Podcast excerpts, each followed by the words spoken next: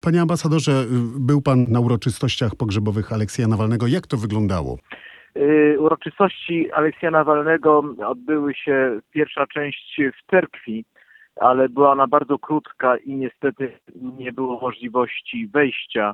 Y, Służby bardzo szerokim kordonem zabezpieczyły miejsce tak, aby uniemożliwić y, udziału w, w tej uroczystości. Natomiast udało nam się razem z moimi kolegami oddać y, hołd i złożyć kondolencje y, na cmentarzu borisowskim. Y, Właśnie przed chwilą to opuściłem cmentarz i złożyłem kondolencje rodzinie, w tym mamie Aleksieja Nawalnego. Uroczystość zgromadziła bardzo liczne tłumy, zarówno przed cerkwią, jak i na cmentarzu, przy ogromnych środkach bezpieczeństwa. Y, Liczba przedstawicieli służb policji, rozgwardii, y, rzeczywiście imponująca, nieproporcjonalna do tego zdarzenia, ale co świadczy o tym, że władze y, obawiają się pamięci o Aleksieju Nawalnym. A jak zachowywali się ludzie, którzy przyszli oddać e, hołd Nawalnemu? Tam pojawiło się mnóstwo haseł, nie tylko wspierających rodzinę i, i dla uczczenia pamięci Nawalnego, ale także politycznych haseł. Y, Tak, y, pojawiały się hasła Rosja będzie wolna, nie zapomnimy, nie wybaczymy. Ym, ym, Wiele osób y, y, wspominało y, Aleksieja Nawalnego. Słyszałem komentarze, że był wzorem, że był nadzieją, że dawał szansę y, dla y, Rosji.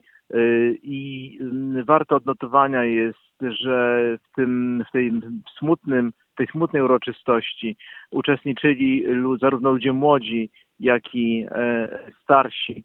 E, niestety robiły służby wszystko, aby ograniczyć dostęp e, poprzez bardzo wąskie przejścia, wąskie furtki, ale ci, którzy byli zdeterminowani, przetrwali, wyczek, wy, wy, wyczekiwali i oddali hołd Aleksiejowi Nawalnemu. Czy zaobserwował pan e, jakieś działania aktywne służb mundurowych, czy to raczej była taka, czy takie e, no, działanie, żeby tylko utrudniać, blokować? y, utrudniać. To przede wszystkim utrudniać i y, y, panie redaktorze również udokumentować, udokumentować obecność tych, którzy przyszli pożegnać Aleksja Nawalnego. Odnotowałem ogromne zainteresowanie y, zarówno służb y, mundurowych, jak i osób, y, które tego munduru nie miały, ale ewidentnie przyszły po to, aby y, dokonać fotograficznej dokumentacji. W mediach e, państwowych właściwie nie ma informacji o tym wydarzeniu, poza e, wypowiedziami rzecznika Kremla, że na przykład osoby uczestniczące w nielegalnych zgromadzeniach poniosą tego konsekwencje. Myśli pan, że władze będą represjonować tych, którzy uczestniczyli w pogrzebie?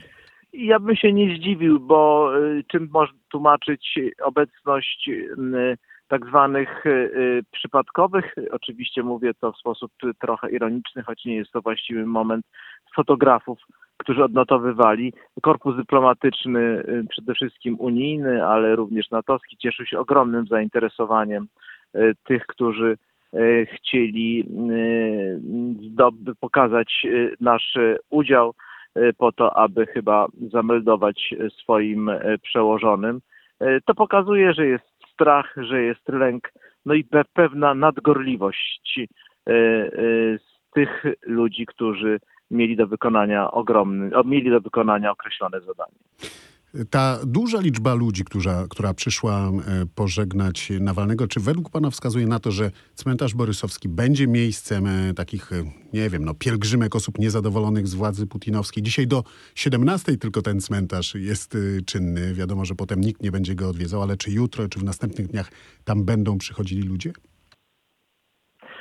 Wie pan, ja nie chciałbym tutaj kreślić spiskowych teorii, ale nie zdziwiłbym się wcale, gdyby w najbliższym czasie pod, błahym pretekstem cmentarz został zamknięty.